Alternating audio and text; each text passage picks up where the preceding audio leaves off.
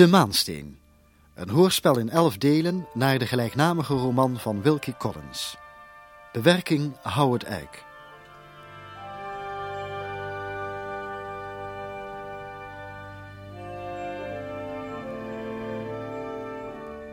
Zevende deel. Het huwelijksaanzoek.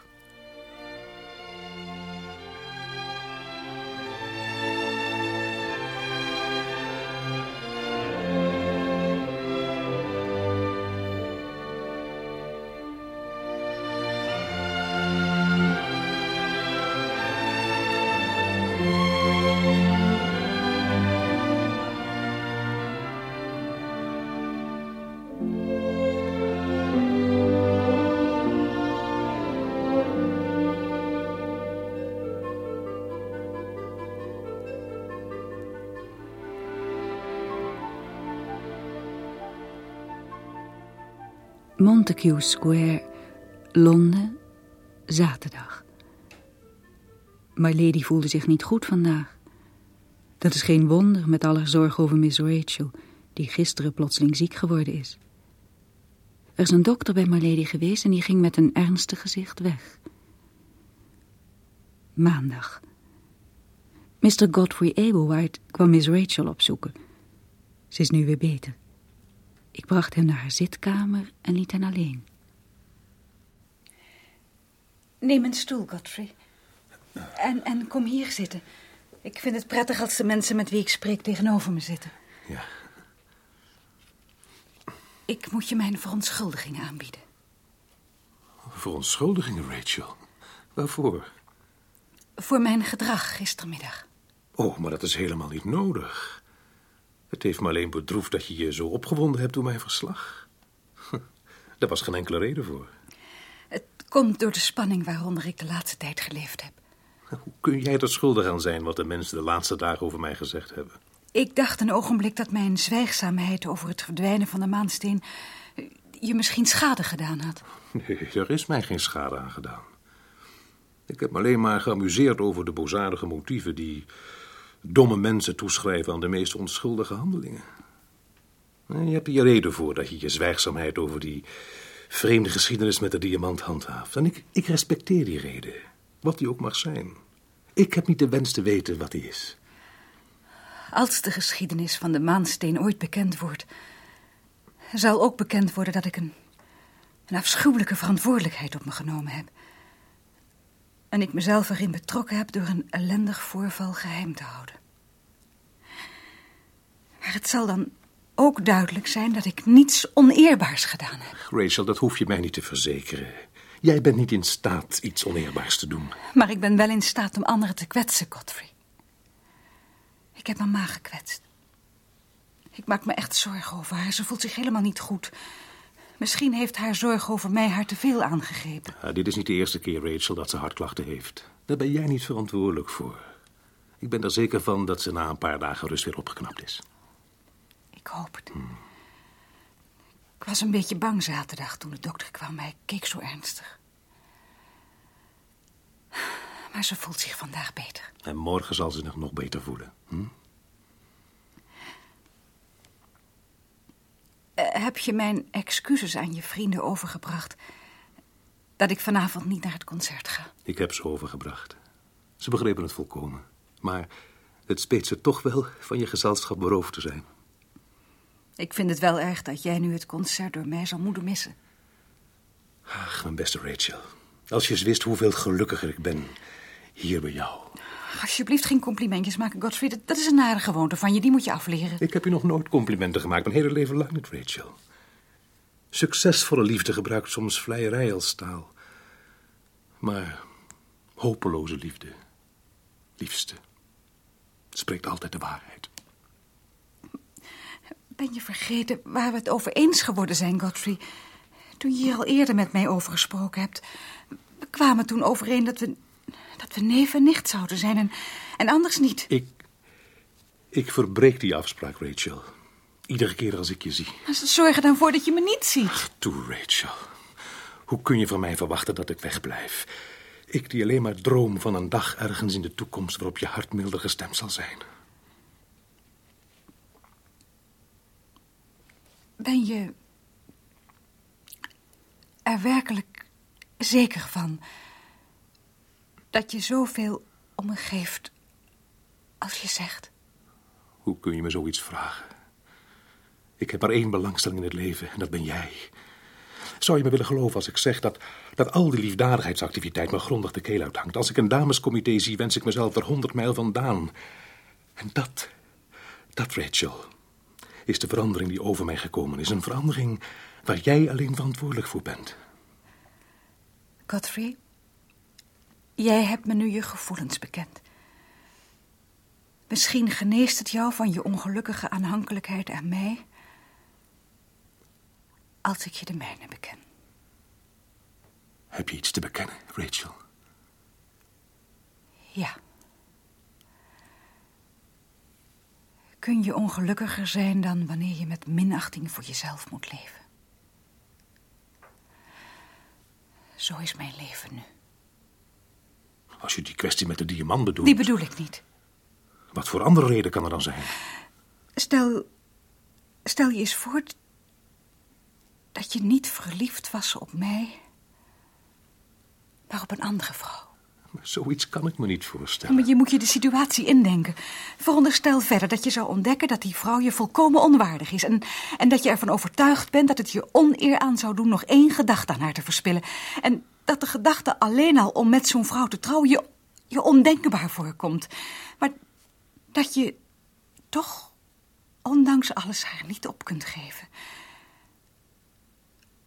In dat geval zou je weten in wat voor een ongelukkige situatie ik verkeer. Bedoel je dat je verliefd bent op iemand die jou onwaardig is? Vraag me niet meer. Vraag me ook niet naar zijn naam, Godfrey. Ik wil hem nooit meer zien. Bovenal, beklaag me niet. Over de ellende die ik heb veroorzaakt zal je nu gauw genoeg heen zijn. Ik ben nu naar de juiste plaats in jouw achtingen gedaald. Niet waar? Edel schepsel. Zeg zoiets alsjeblieft niet. Je weet dat het niet waar is. Ik ben niet edel. Een vrouw die de waarheid kan zeggen alleen omwille van die waarheid. Een vrouw die liever haar trots opoffert dan een eerlijke man die haar bemint. Is zo'n vrouw niet de grootste rijkdom die er bestaat?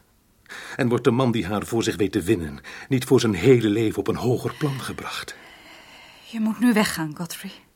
Jij hebt gesproken, liefste, over jouw plaats in mijn achting. Beoordeel zelf wat die plaats is.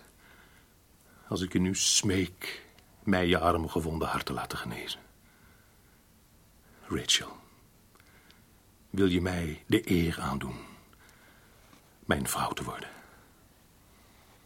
Godfrey, je, je, moet gek zijn. Nog nooit, liefste, heb ik verstandiger over jou en mijn belangen gesproken. Moet jouw toekomstig geluk opgeofferd worden aan een man die nooit beseft heeft wat jij voor hem voelt en die je nooit meer terug wilt zien?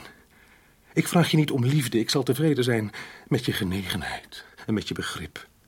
Laat de rest vol vertrouwen over aan de toewijding van je echtgenoot, wiens goede zorgen iedere dag weer op je in zullen werken. En bedenk vooral, liefste, dat de tijd iedere wond geneest, hoe diep die wond ook mag zijn. Breng me niet in verleiding, Godfrey. Ik ben nu al ellendig en roekeloos genoeg. Verleid me er niet toe om nog ellendiger en roekelozer te worden. Nog één vraag, Rachel. Koester jij een bezwaar tegen mij persoonlijk? Oh, helemaal niet. Ik heb je altijd graag gemogen. En ik zou wel van ieder gevoel gespeend moeten zijn als ik je, naar wat je zojuist gezegd hebt, bovendien niet bewonder en respecteer. Ken jij veel getrouwde vrouwen die hun mannen respecteren en bewonderen, Rachel? En toch zijn die huwelijken vrij behoorlijk. De waarheid is dat vrouwen in het algemeen het huwelijk als een toevluchtsoord zien. En dat gebeurt vaker dan we ze zouden willen erkennen. En in de meeste gevallen is hun vertrouwen gerechtvaardigd. Zit daarin dan geen aanmoediging voor jou en mij? Ik zeg je nogmaals dat als je nog één woord zegt... ik wanhopig genoeg ben om met je te trouwen op jouw voorwaarden... neem die waarschuwing aan en ga weg. Ik ga niet weg. Voor je ja gezegd hebt. Als ik ja zeg, zullen we het allebei betreuren als het te laat is. Integendeel, liefst. We zullen beiden de dag zegenen. Ik vraag je opnieuw. Word mijn vrouw. Zal je de gang van zaken niet proberen te verhaasten? Ik zal het helemaal aan jou overlaten. Zal je me niet meer vragen dan ik je geven kan? Mijn engel. Ik vraag je alleen om een huis en mijn leven met mij te delen. En mij toe te staan je te beschermen. Wil je dat, Rachel?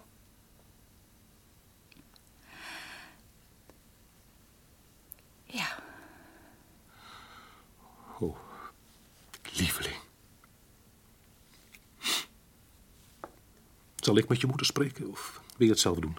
Ik, ik, ik wil het... Ik wil het voorlopig nog geheim houden. Godfrey... Als mama beter is, dan zullen we het haar samen vertellen. Zoals je wilt, liefste. Uh, de, uh, ga nu, alsjeblieft. Mag ik vanavond weer komen? Zoals je wilt. Neemt u niet kwalijk, Miss Rachel. Ja, Penelope, wat is er? Er is iets met My Lady.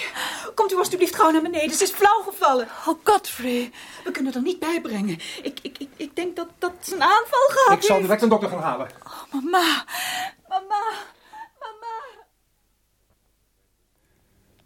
Terwijl de zon op het punt stond onder te gaan, zat ik aan de achterkant van het huis met onze twee honden aan mijn voeten en Robinson Crusoe op mijn knie, toen de jongen van het postkantoor in Frissing Hall mij een telegram kwam brengen. Het kwam van Penelope en ze deelde me mede dat mijn lady een hartaanval had gehad en nu buiten bewustzijn was. Ik moest direct overkomen. Het was te laat om nog een trein naar Londen te halen, maar ik nam de eerste trein de volgende morgen en haastte mij naar Montague Square. Toen ik de hoek van het plein omkwam en de rolgordijnen van het huis naar beneden zag, voelde ik me zeer bedroefd, want ik wist dat ik te laat gekomen was. Mijn geliefde meesteres had dit leven voor eeuwig verlaten. En de tranen schoten mij in de ogen bij de gedachte dat ik haar nooit meer zou zien.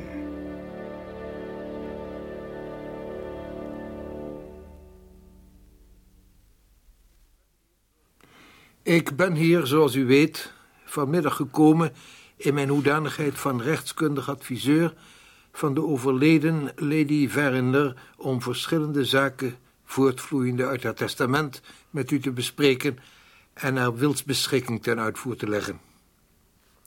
U, Miss Rachel, wordt onder voogdijschap geplaatst van de zwager van Lady Verinder, Mr. Joshua Ablewhite. Ik neem aan, sir, dat u genegen bent dit voogdijschap te aanvaarden. Het is mij een grote eer, Mr. Bruff. Dank u wel. Dit voogdijschap zal natuurlijk beëindigd worden zodra Miss Rachel meerderjarig wordt, of indien ze eerder mocht trouwen door haar huwelijk. Nou, wat ik van mijn zoon gehoord heb, zal dit laatste niet lang meer op zich laten wachten. Niet waar, Coffee? Uh, inderdaad, vader. Miss Rachel heeft mij de eer aangedaan mijn huwelijksaanzoek te accepteren. Ik vertrouw erop dat u daar wel mee zult kunnen instemmen, Mr. Bruff. Natuurlijk. Nu blijft er nog de vraag over waar u zult wonen tot de dag van uw huwelijk, Miss Rachel.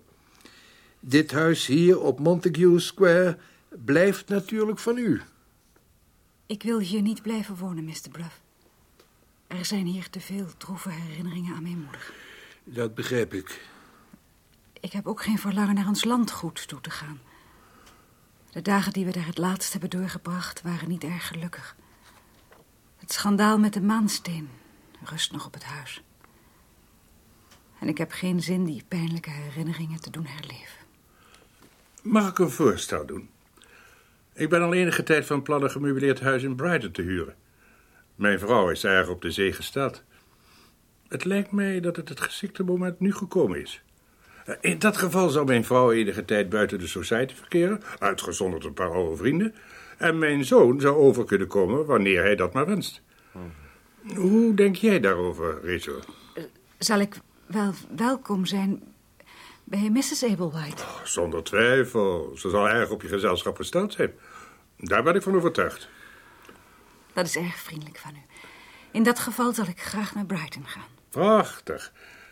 Ik zal direct gaan kijken wat voor huizen er beschikbaar zijn. Want mijn vrouw is nogal hulpeloos in dergelijke dingen. Je zult er ongetwijfeld wel op gesteld zijn je bediende mee te nemen. Ik zou graag Penelope meenemen. En eh, Gabriel Bettridge? Dat zou ik graag met hem bespreken als dat mag. Nou, dan zal de vraag waar u voor blijven zult dus geen verdere moeilijkheden opleveren. En laat ik dan overgaan naar de andere punten van Lady Veranders testament. Bladzijde 2. Later op de dag kwamen mijn jonge meesteres en ik overeen dat ik voor het ogenblik mijn tijd gedeeltelijk aan het huis op Montague Square en het landgoed zou besteden.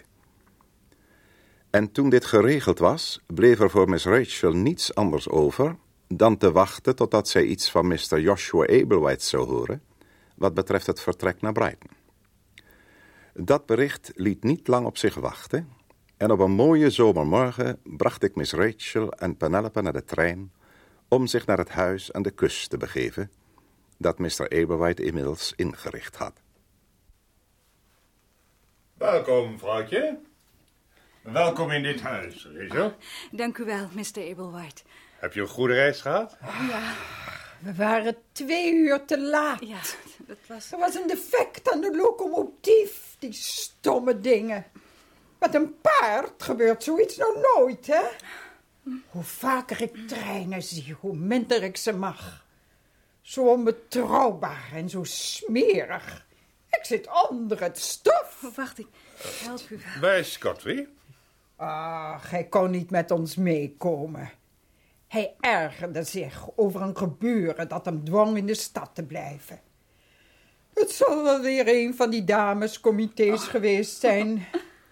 Oh, ik geloof vast en zeker dat Godfrey zelfs in de hemel niet gelukkig zal zijn...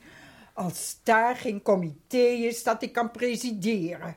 Ah, die goede jongen. Als ik dat geweten had, dat jullie alleen moesten reizen. Oh, nee, nee, nee, nee, dat hoefden we gelukkig niet. Mr. Bruff was zo vriendelijk de plaats van Godfrey Ja. in te nemen. En een paar dagen vrij af te nemen tot maandag. Hij heeft gelukkig de zorg over onze bagage op zich genomen. Hij is nog buiten. Wil je hem even gaan helpen? Oh, natuurlijk. Oh, dat hoeft niet, Mr. Ablewhite. Alles is al in orde. Hoe maakt u het? Prettig u te zien, Mr. Bruff. Mag ik u geluk wensen met de keuze van het huis? Het ziet er prachtig uit. Ja, ik heb wel geluk gehad om zo'n ideaal gelegen huis te kunnen huren. Vlak bij de pier en met het volle uitzicht op zee. Oh, Mr. Bruff, ik moet veel lichaamsbeweging nemen.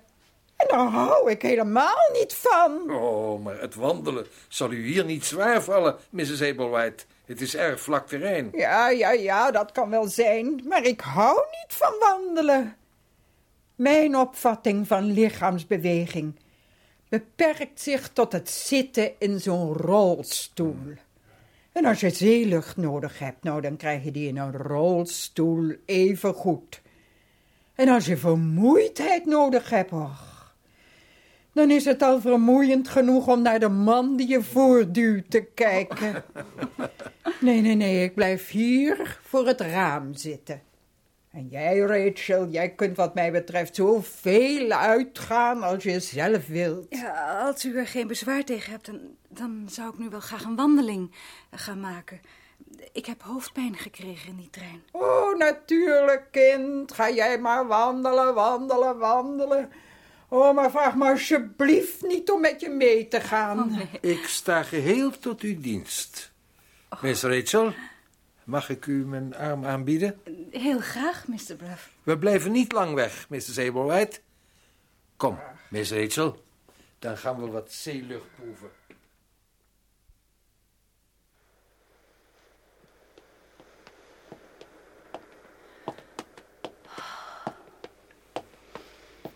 Wat is de zeelucht toch heerlijk.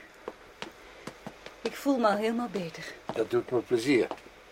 Zullen we daar op die bank in de zon gaan zitten? Oh ja, dat is een goed idee.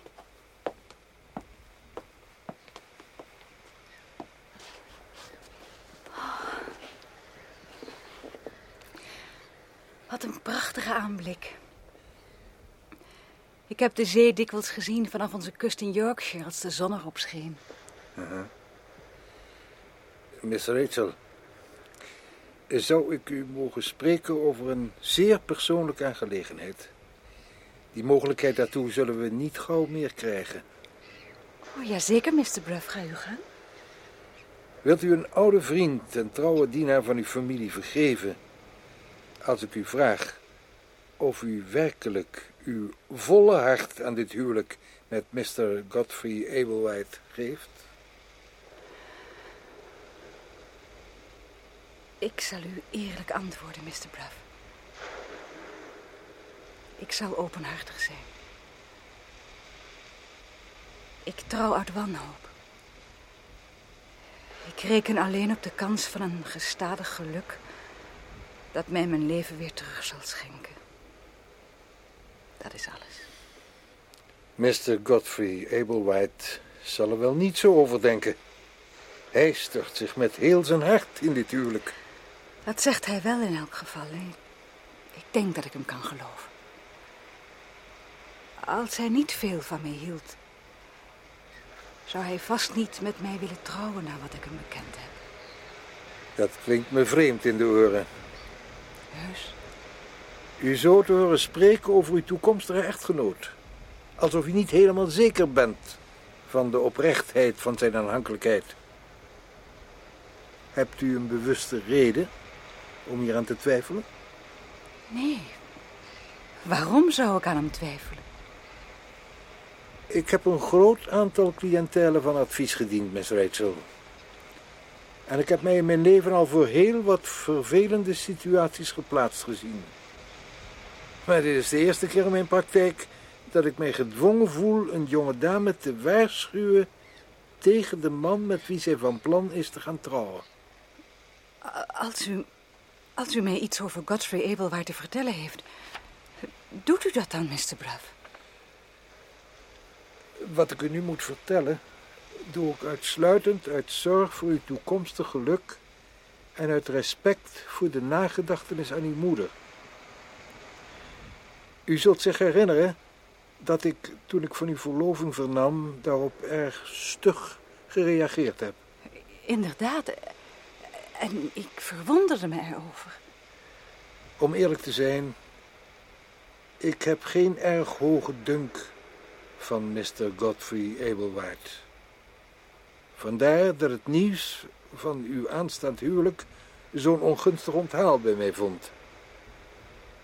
Ik ken de wereld beter dan u, Miss Rachel. En de gladde tong van Mr. Godfrey Ablewhite kan mij niet misleiden. De man komt mij een bedrieger voor. Een bedrieger?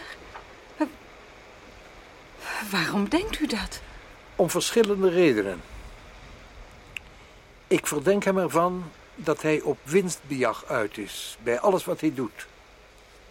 De comité's waar hij zich met glimlachjes en gevlei weet in te werken, het zich beroemen op zijn christelijkheid, zijn zalvende manieren, zijn poseren als een onschuldig slachtoffer van dat voorval met de drie Indiërs in het huis in Northumberland Street. Gelooft u niet in zijn onschuld? De schijn is tegen hem, Miss Rachel.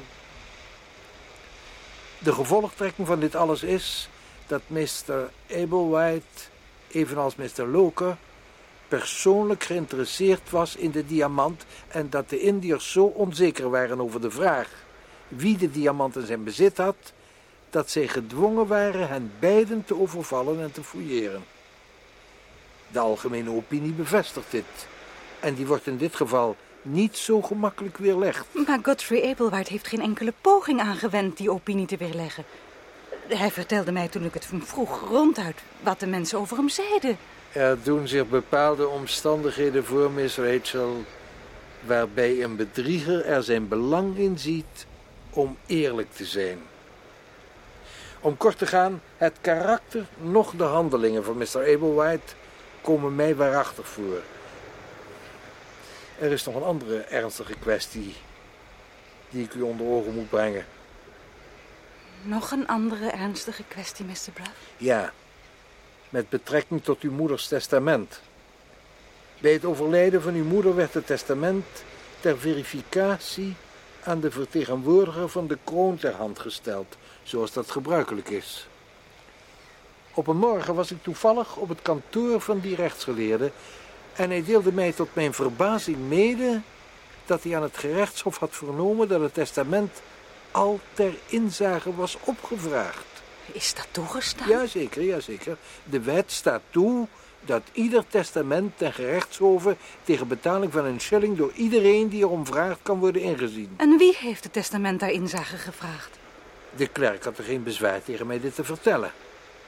Mr. Smalley, van de advocatenfirma Skip en Smalley. Maar dat, dat, dat, dat, dat begrijp ik niet, Mr. Bruff. De advocaten die u daar opnoemt hebben nooit iets met onze familie te maken gehad. Dat klopt. Gelukkigerwijs heb ik een zekere invloed op de firma Skip en Smalley en daarom besloot ik onmiddellijk die invloed aan te wenden. Ik schreef Mr. Smalley een briefje met het verzoek zo spoedig mogelijk op mijn kantoor te komen. Ik hoef u niet te zeggen, Miss Rachel, hoe nieuwsgierig ik was naar zijn komst. Kom binnen, Mr. Smalley. Kom binnen. En ga zitten. Dank u. Ik ben zo spoedig gekomen als ik kon, Mr. Bruff. Daar ben ik u dankbaar voor. Een sigaar? Uh, nee, dank u wel. Het is me nog te vroeg om te roken. Uh, waar wilt u mee over spreken, Mr. Bruff?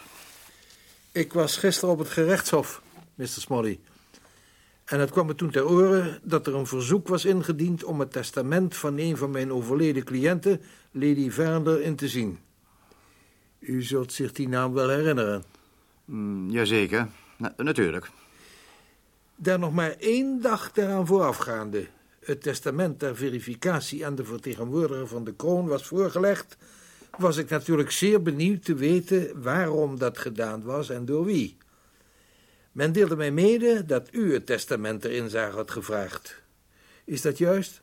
Mm, ja, dat is juist, ja. Ik handelde op instructie van een van mijn cliënten. Zo?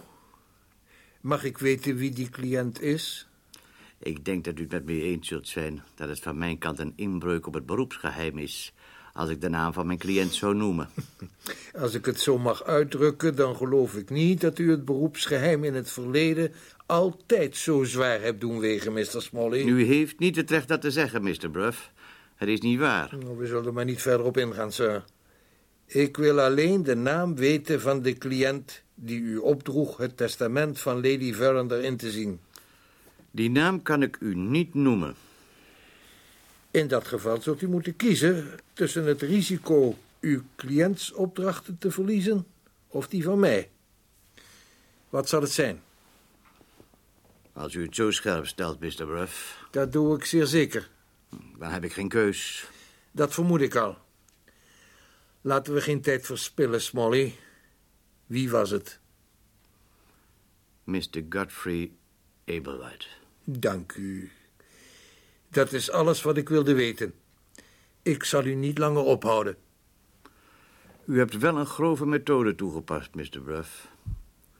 Onthoudt u wel dat ik u de naam pas heb genoemd nadat u druk op mij had uitgeoefend. Pas daarna.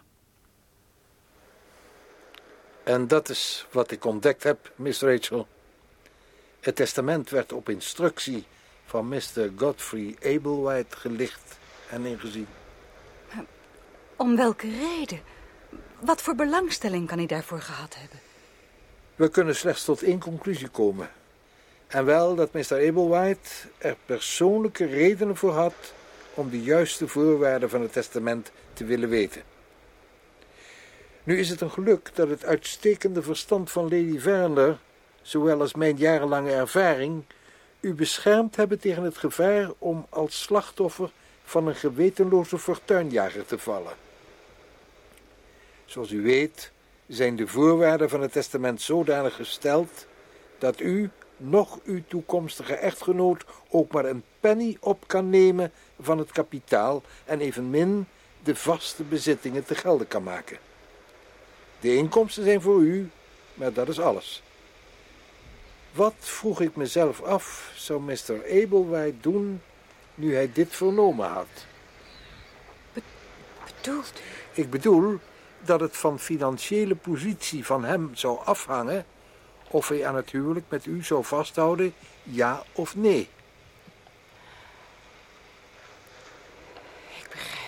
als zijn financiële positie hopeloos is, zou het voor hem de moeite waard zijn u alleen al om uw inkomen te trouwen. Het spijt me te zeggen, maar het schijnt dat dat de beslissing is die hij genomen heeft.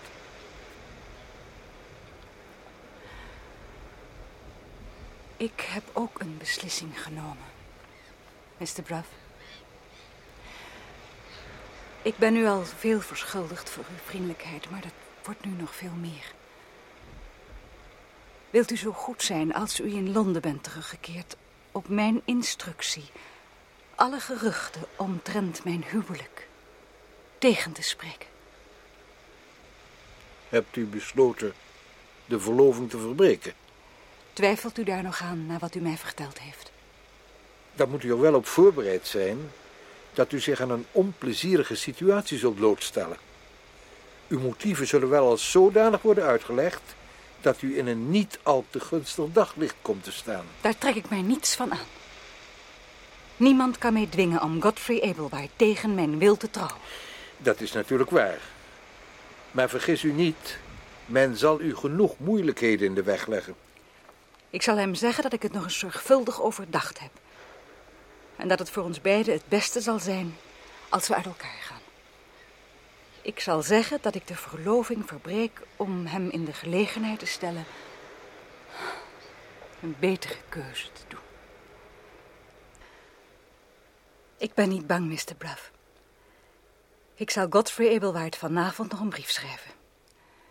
Mag ik u die laten zien voor ik hem verzend? Natuurlijk mag u dat. Ik ben hier om u al de hulp te bieden die ik u geven kan. Dank u. Ik moet u voor nog een ding waarschuwen. Mr. Ablewhite senior is een heel joviale man, als alles hem naar de zin gaat. Maar wanneer dat niet het geval is, kan hij behoorlijk tekeer gaan. Het is mogelijk dat hij de verbreking van de verloving met zijn zoon als een persoonlijke belediging zal opvatten. Ik heb zoiets al eens eerder meegemaakt. U moet erop voorbereid zijn dat hij in dat geval zal weigeren om nog langer als uw voogd op te treden. U zult u erop moeten voorbereiden het huis te verlaten. Ik wil hier niet blijven nu ik mijn beslissing genomen heb. Dat zou een onverdraaglijke situatie scheppen. Dat geef ik toe. Ik keer zo gauw als ik kan naar Londen terug. Ik wil graag, Miss Rachel, dat u weet dat mijn vrouw en ik het een eer zouden vinden als u als gast bij ons uw intrek zou willen nemen, totdat het zover is dat u andere plannen hebt gemaakt. Wij zouden u als een lid van ons gezin beschouwen. Ik dank. Maar het zal echt niet nodig zijn, Mr. Bruff. Ik kan naar ons huis aan Montague Square gaan. Penelope zal bij me zijn. En Gabriel ook. Ik zal heus niet alleen zijn. U moet zelf maar beslissen, Miss Rachel.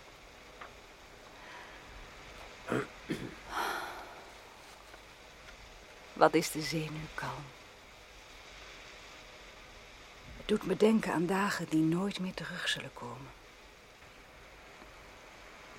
Het schijnt dat ik niet meer van geluk en vrede mag genieten. De maansteen heeft alles vernietigd.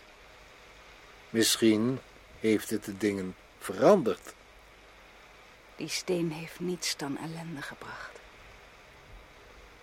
En ik ben bang voor alle schade die hij nog kan veroorzaken. Wat, wat denkt u daarvan, Mr. Braff? Ik ben een rechtsgeleerde, Miss Rachel. Ik denk in wettelijke termen. Ik geloof aan feiten. Over al de geruchten die over de maansteen in omloop zijn, kan ik geen betrouwbare mening geven. Momenteel is hij uit de weg geruimd. Laten we hopen dat dat zo blijft. Ik zou willen dat ik kon geloven dat dit het einde van de samenzwering is, maar ik kan het niet. Ik kan niet geloven dat hij ons geen nieuwe narigheid zal bezorgen. Misschien wel veel eerder dan wij denken. Hopelijk niet. Kom, laten we weer naar huis gaan. Brighton, zaterdag. Miss Rachel is gisteravond op haar kamer gebleven om te schrijven. En vanmorgen gaf ze me een brief mee om te posten. Ik zag dat die geadresseerd was aan Mr. Godfrey Ablewhite. Toen ik terugkwam kreeg ik tot mijn verbazing te horen dat we aanstaande maandag Brighton in gezelschap van Mr. Bruff zouden verlaten. Miss Rachel zegt dat ze niet tegen de zeelucht kan. Maar ik denk dat ze een andere reden heeft waarom ze zo vlug naar Londen wil teruggaan.